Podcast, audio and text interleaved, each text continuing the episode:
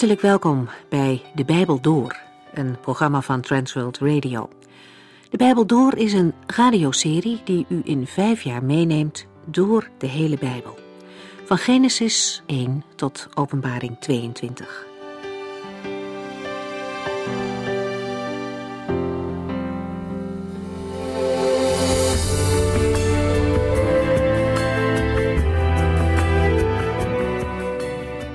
Vandaag bezinnen we ons op de toekomst naar aanleiding van Matthäus 24. Wat zijn de tekenen van de laatste dagen? Hoe kunnen we weten dat het bijna zover is dat de Heer Jezus terugkomt?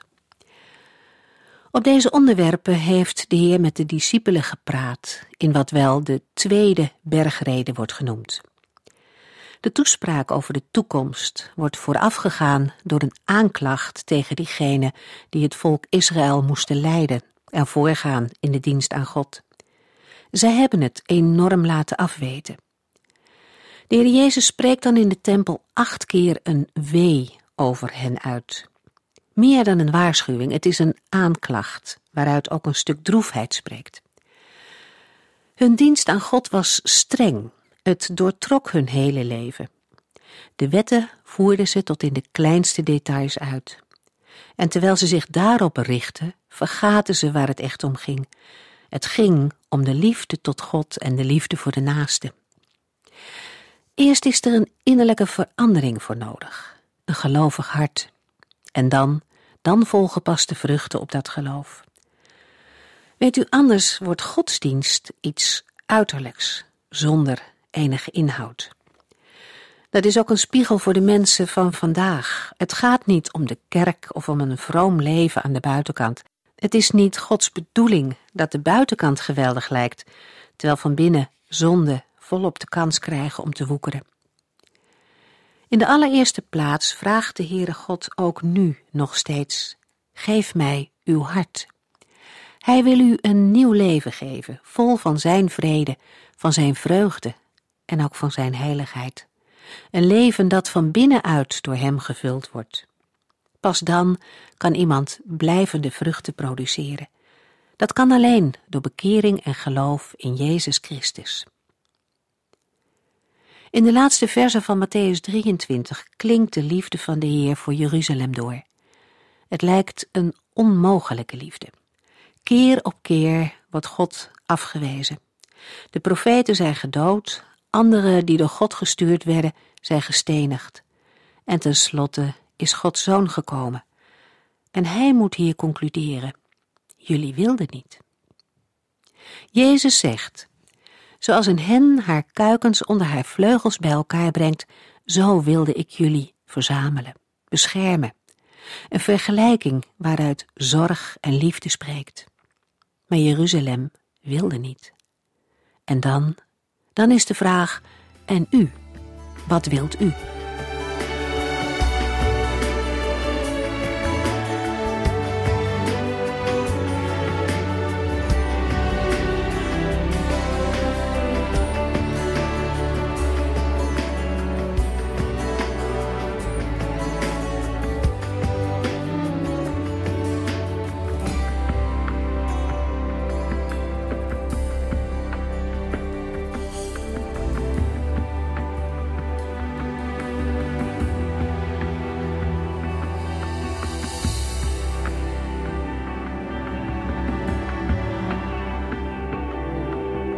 Discipelen van Jezus stellen in Matthäus 24 drie vragen. De eerste vraag: Wanneer zullen deze dingen gebeuren? De tweede: Wat is het teken van uw komst? En de derde vraag: Wat is het teken van de voleinding van de wereld? Inhoudelijk zijn de vragen wanneer en wat is het teken niet te scheiden. De tekenen geven namelijk een antwoord op het wanneer. Evenmin werd er door de discipelen onderscheid gemaakt tussen de verwoesting van de tempel en de voleinding van de wereld. Op de eerste vraag: wanneer zullen deze dingen gebeuren? wordt in het evangelie naar Matthäus geen antwoord gegeven. Het antwoord vinden we in het Lucas-evangelie en gedeeltelijk in Marcus. Het antwoord is wanneer geen steen op de andere zal blijven. Waarom geeft Matthäus dit antwoord niet door? Omdat Matthäus het evangelie van het koninkrijk weergeeft. Matthäus laat de koning zien. De verwoesting van Jeruzalem in het jaar 70 na Christus heeft in onze geschiedenis plaatsgevonden, maar het heeft niets te doen met de komende koning in de verre toekomst. Daarom wordt het niet in Matthäus doorgegeven. Ik wil beginnen met het antwoord van de Heer Jezus, zoals het staat in Lucas 21, vers 20 tot en met 24. En als je ziet dat Jeruzalem wordt belegerd, is dat het teken dat de verwoesting van de stad nadert. Laten de mensen die dan in Judea zijn, naar de bergen vluchten. En wie op het platteland zijn, moeten niet naar de stad gaan, want in die dagen zal God zijn oordeel voltrekken. De woorden van de profeten zullen dan in vervulling gaan. Het zal een vreselijke tijd worden voor vrouwen die zwanger zijn of een baby hebben. Er zal een diepe ellende over dit land komen. God zal zijn toren op dit volk koelen. De mensen zullen afgeslacht of als krijgsgevangenen over de hele wereld verstrooid worden. Vreemde volken zullen Jeruzalem overwinnen en vertrappen, tot aan hun tijd een einde komt. Ongetwijfeld zullen velen, die Jezus deze dingen hoorden zeggen, er in 70 na Christus bij zijn geweest. De Romeinse legers belegerden de stad en sloten Jeruzalem af van de rest van de wereld. Ten slotte braken ze door de muren heen en drongen de stad binnen. En wat ze daar deden was verschrikkelijk. Ze vernielden de hele stad. Het was de ergste verwoesting in de geschiedenis van Jeruzalem. Zelfs erger dan 600 jaar eerder, toen Nebukadnezar de stad belegerde. Op de dag dat de Romeinen Jeruzalem vernietigden, in het jaar 70 na Christus, werd het eerste deel van Jezus' voorzegging op de Olijfberg vervuld. De twee volgende vragen van de discipelen waren: Waaruit kunnen wij opmaken dat u terugkomt? En wanneer loopt deze tijd ten einde? De Heer Jezus beantwoordt eerst hun laatste vraag en daarna hun tweede vraag: Wanneer loopt deze tijd ten einde? Als de Heer Jezus spreekt over het einde van de wereld, dan heeft hij het over het einde van de eeuwen. De oude wereld zal voorbij gaan en een nieuwe wereld zal ervoor in de plaats komen. Met woorden die sterk herinneren aan 2 Kronieken 36 wordt een drievoudig oordeel over de inwoners van Judea aangekondigd: uitmoording, wegvoering en verwoesting van de stad Jeruzalem. Een deel van het volk zal vervolgens worden weggevoerd in ballingschap en Jeruzalem zal vertrapt worden door de heidenen. De tijden van de heidenen is de tijd waarin de heidenen vrij spel hebben in het Judese land. Maar hun macht is niet onbeperkt, omdat de Heere God een duidelijke grens heeft gesteld. Daniel 8 en 12 en Jeremia 27. Namelijk totdat de tijden van de heidenen vervuld zijn. Dat wil zeggen, tot de wederkomst van de mensenzoon. Dan zal de Heer Jezus de oude wereld omruilen voor de nieuwe. Maar de dag van de wederkomst van de Heer Jezus Christus zal niet enkel verwoesting en ondergang met zich meebrengen. Er zal ook sprake zijn van een volkomen nieuw worden van de hele kosmos. Door het oordeel heen zal er zich een totale vernieuwing van het heelal voltrekken. Met betrekking tot de aarde zal de vernieuwing daarin bestaan dat er voortaan op haar gerechtigheid zal wonen. Gerechtigheid is in de Bijbel bij uitstek het kenmerk van de tijd die met de komst van de Messias zal aanbreken. Op de nieuwe aarde zal gerechtigheid geen uitzondering meer zijn, maar regel. Dan zal alles steeds volledig in overeenstemming met Gods wil gebeuren. Jesaja 65, vers 25. De wereld zal niet eindigen, maar het zal het einde van een tijdsbestek zijn. Dat bedoelden de leerlingen van Jezus toen ze hem de vraag stelden. In het gesprek op de Olijfberg, waar Jezus spreekt over zijn wederkomst, heeft hij het over de vestiging van zijn koninkrijk. Daarmee komt zijn gemeente de kerk niet in beeld. Van de gemeente wordt in 1 Thessalonicense 4 gezegd dat zij aan het einde van de tijden wordt weggenomen. De Heere spreekt over de tijd van de grote verdrukking. En zo komt het aan de orde in dit gesprek. In het Nieuwe Testament wordt de situatie waarin de gelovigen leven regelmatig getypeerd als verdrukking. Met de term de grote verdrukking wordt in het Nieuwe Testament een korte periode voorafgaande aan de wederkomst van de Heer Jezus bedoeld. Matthäus 24, vers 4. Laat je door niemand iets wijsmaken, antwoordde Jezus. De versen 4 tot en met 14 vermelden een serie gebeurtenissen die nog niet direct het einde zelf betekenen, maar in vers 8 het begin van de ellende wordt genoemd. Ze karakteriseerden de tijd tot aan het directe einde en de wederkomst van de Heer Jezus. De waarschuwing om zich niet iets te laten wijsmaken is op zijn plaats. De druk van de moeilijke omstandigheden zal de mensen gevoelig en open maken voor dwaalleraars, die hun verlossing beloven. Vooral in de tijd van de grote verdrukking, wanneer de antichrist zal gaan optreden. Petrus waarschuwt in 2 Petrus 2 vers 1 maar zoals er vroeger mensen waren die niet echt namens God spraken, zo zullen er ook onder u mensen komen die dingen leren die niet waar zijn. Op een heel slimme manier vertellen zij leugens over God. Ze willen zelfs niets meer weten van hun meester, die hen heeft vrijgekocht. Maar daardoor hollen zij hun ondergang tegemoet. We moeten de valse profeten weerstaan. Hoe? Met de Bijbel het woord van God. Vanuit het woord van God moeten en kunnen gelovigen de dwaalleer aanwijzen. Luisteraars, niet alles wat zich als een godsdienstige leer aandient, is de juiste leer.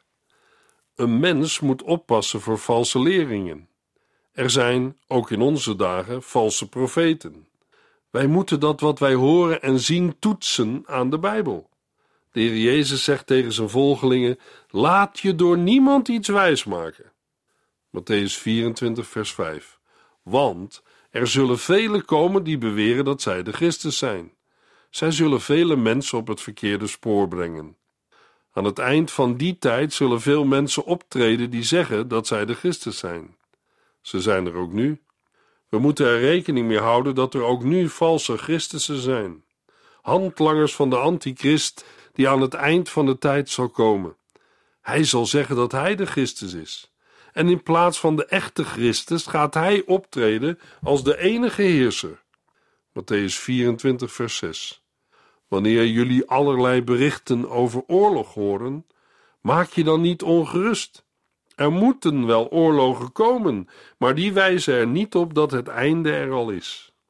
Na de religieuze verleidingen komt Jezus nu te spreken over de politieke chaos. Men zal horen van oorlogen in de nabijheid en ver weg. Maar dat hoeft een mens niet angstig of verontrust te maken, want deze dingen moeten gebeuren. Dat wil zeggen, ze behoren tot Gods plan.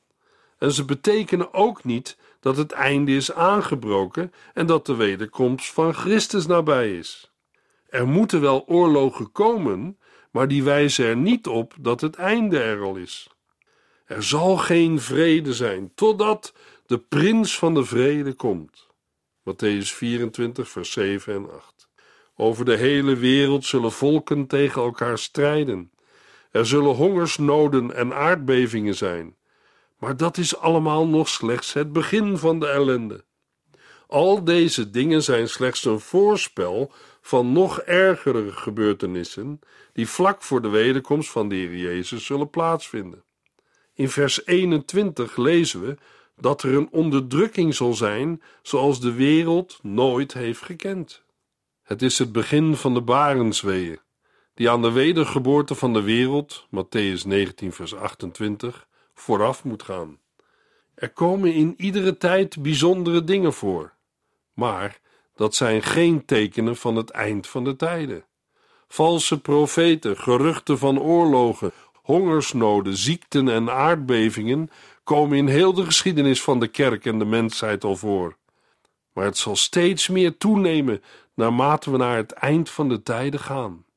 De geweldige groei van de wereldbevolking baart ons zorgen. Mensen sterven bij duizenden en miljoenen van de honger. Het zal steeds erger worden. Het zwarte paard uit Openbaring 6 is nog niet verschenen, maar aan het eind van de tijden zal het zwarte paard met zijn berijder verschijnen. Zwart is een kleur die destijds met name negatieve gedachten opriep. Zwart werd verbonden met honger en rouw, maar dat is allemaal nog slechts het begin van de ellende. In vers 9 begint de Heer Jezus te spreken over de tijd van de grote rampen. Wij leven nu in de tijd van de kerk of de tijd van de Heilige Geest. De Bijbel verdeelt de wereldbevolking in drie groepen. 1 Korinthe 10, vers 32. Wees geen struikelblok voor Joden, heidenen of gelovigen. Heidenen staat dan voor mensen die niet van Joodse afkomst zijn, en gelovigen voor de kerk of de gemeente van Christus. God roept vandaag mensen tot zich uit de Joden en de heidenen om een derde groep te vormen, zijn gemeente, de kerk. Deze derde groep, de gemeente van Christus, zal uit de wereld worden opgenomen. De opname van de gemeente. Dan zullen de grote rampen beginnen, en dat zien we vanaf vers 9. Na de algemene tekenen, in vers 5 tot en met 8, begint Jezus nu in het bijzonder over de gelovigen te spreken, vers 9 tot en met 13.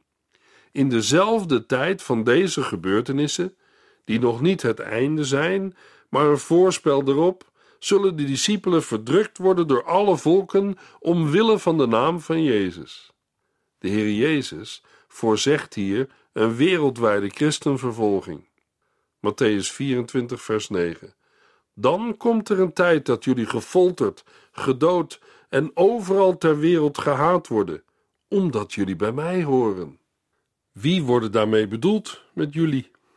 Ik ga ervan uit dat de heiland hier spreekt over zijn leerlingen en het volk Israël.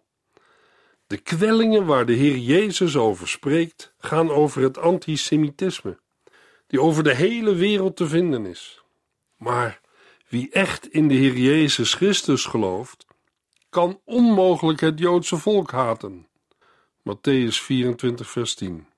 Velen van jullie moeten dan ineens niets meer van mij hebben. Die zullen de anderen haten en verraden.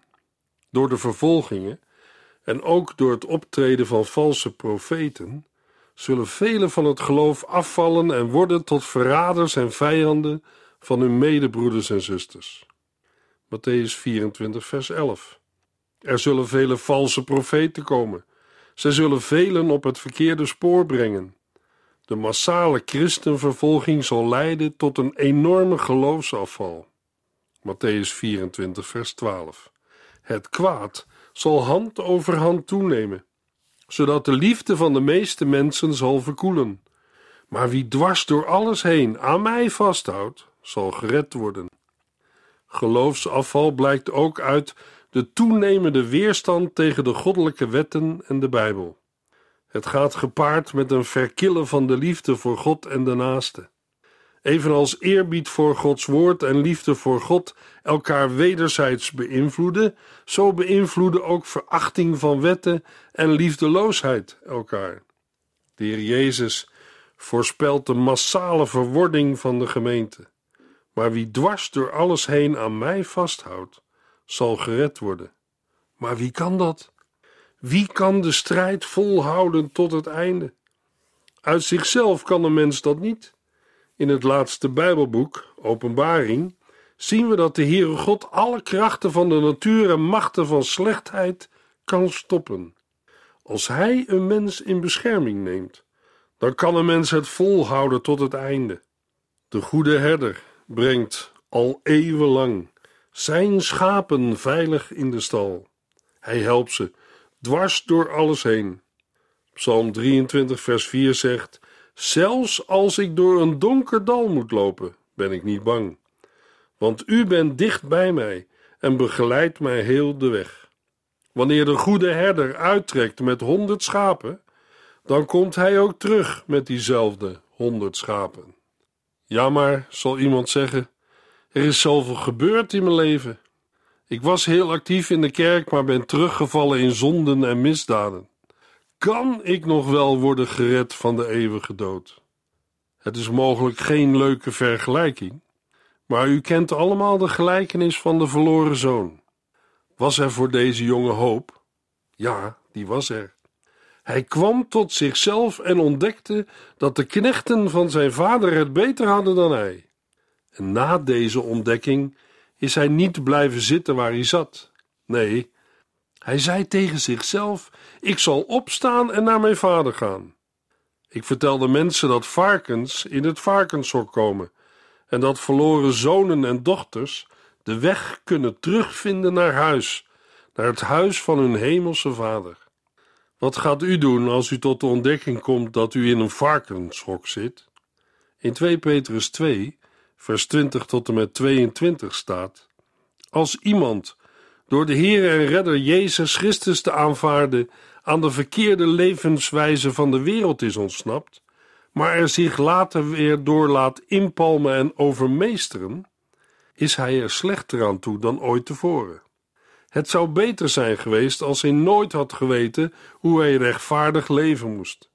Maar nu hij het heilige gebod kent en er niets meer van wil weten, geldt voor hem dit oude spreekwoord. Een hond keert terug naar zijn eigen braaksel en ook een gewassen varken wentelt zich toch weer in de modder. Van nature kan een mens zichzelf niet veranderen. Hij is geneigd God en zijn naasten te haten. Maar Gods genade is altijd groter. Zelfs als u, luisteraar, als een verloren zoon of dochter bij de varkens zit, dan is het mogelijk om te zeggen: Ik zal opstaan en naar mijn vader gaan. De goede herder wacht. Want hij zegt: Wie dwars door alles heen aan mij vasthoudt, zal gered worden. Matthäus 24, vers 14. Het goede nieuws over het koninkrijk van God zal overal ter wereld worden gebracht, zodat alle landen het zullen horen, en dan zal het einde komen. Johannes de Doper predikte: U moet zich bekeren, want het koninkrijk van de hemel is nabij. Matthäus 4, vers 17. En toen de Heer Jezus begon te prediken, zei hij hetzelfde. Ook toen de Heer zijn leerlingen uitzond, zei hij dat. Matthäus 10. Maar in Matthäus 11, vers 28, zagen we dat Jezus het goede nieuws uitspreekt met de woorden: Als de lasten u drukken en u vermoeid bent, kom dan bij mij. Ik zal u rust geven. En in Matthäus 20, vers 28 zegt Jezus dat hij was gekomen om zijn leven te geven als losprijs voor velen. Als de tijd van de grote verdrukking zal aanbreken, zal de Heer opnieuw prediken over het koninkrijk van de hemelen. Vandaag moeten wij de goede boodschap van de genade van God verkondigen. Maar is het evangelie van het koninkrijk een andere evangelie? Nee, luisteraar, het is hetzelfde evangelie, maar de nadruk ligt op een ander onderwerp. Wij weten niet wanneer het koninkrijk van de hemelen zal komen, maar er zijn tekenen in de tijd die aankondigen dat het aanstaande is. Wanneer de periode van de grote verdrukking begint, kunnen de mensen weten dat het aanstaande is. Hoewel wij niet precies weten op welke dag of op welk uur dat zal gebeuren. Daarom is de boodschap, naast de verkondiging van Gods genade, ook: bekeer u, want het koninkrijk van de hemelen komt eraan. Er zijn geen twee of meer wegen waarlangs mensen gered worden van de eeuwige dood. God heeft nooit meer dan één mogelijkheid gegeven waardoor mensen gered kunnen worden. Alleen op grond van het kruis van Christus. Alleen zijn verzoenend lijden en sterven kan het rustpunt van een mensenziel zijn. Om dit verder uit te leggen, gaan we terug naar Genesis 4 en kijken naar het offer dat Abel aan de Heere God bracht. Het was een klein lam. Als u erbij was geweest, had u Abel kunnen vragen: Waarom breng je zo'n klein lam als offer? Denk je dat een klein lammetje je zonde kan wegnemen? Dan zou Abel gezegd hebben: Natuurlijk niet. Ik offer een klein lammetje omdat God mij dat heeft gezegd. Ik breng dit offer in gehoorzaamheid en op grond van het geloof. Dan zou u hem kunnen vragen: Maar als het de zonde niet wegneemt, waarom zou de Heer God je dan hebben gevraagd het te doen? Abel zou dan zoiets hebben geantwoord als: Dit kleine lammetje wijst vooruit naar hem die later komt. Het zaad van de vrouw, mijn moeder. Hij die later komt, zal voor al onze zonden betalen. Ik breng dit kleine lammetje als offer, omdat ik daarmee toegeef dat ik een zondaar ben en dat ik voor vergeving en verzoening iemand anders nodig heb, een vervanger die nog moet komen. Abel keek al vooruit naar die ene die zou komen. Johannes de Doper zei niet alleen: Houd op met zondigen, want het koninkrijk van de hemel is vlakbij. Matthäus 3. Maar hij zei ook: Kijk, het offerlam van God, hij neemt de schuld van de wereld op zich. Johannes 1, vers 29. Johannes herkende hem. Voordat Christus op aarde was gekomen, werd iedereen die naar de Heer God toekwam, op grond van zijn offer gered.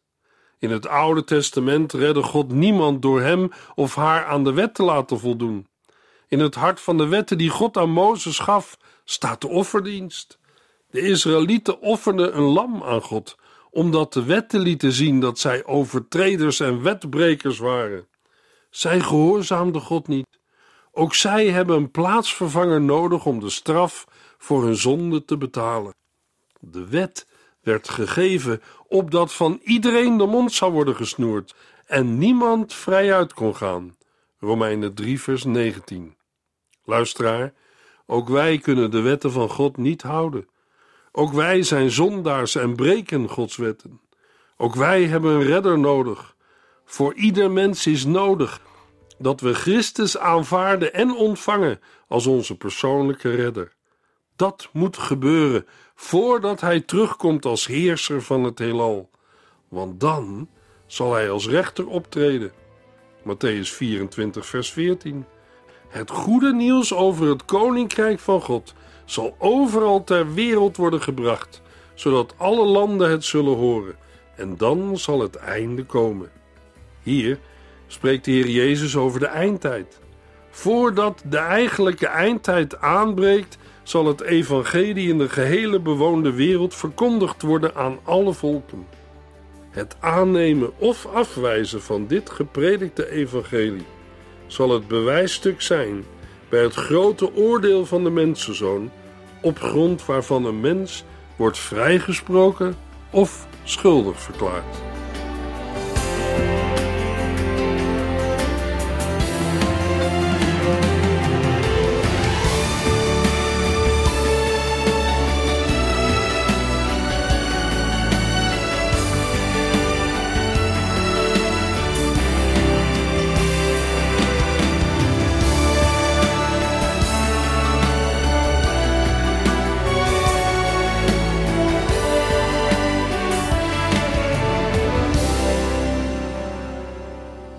Heeft geluisterd naar De Bijbel Door.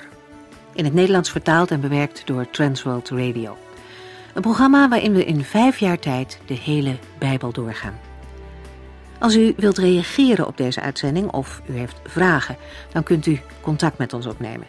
Tijdens kantooruren kunt u bellen op 0342 47 8432. 0342 47 8432. 32. Ook kunt u een e-mail sturen naar de Bijbel door transworldradio.nl en natuurlijk kunt u ook via de post ons bereiken. TWR, postbus 371, postcode 3770, AJ in Barneveld. Dit programma werd gepresenteerd door Cor Weda en Ike André. Techniek was in handen van Odin van Woerdekom. En wij allemaal bedanken u voor het luisteren. Graag tot de volgende keer.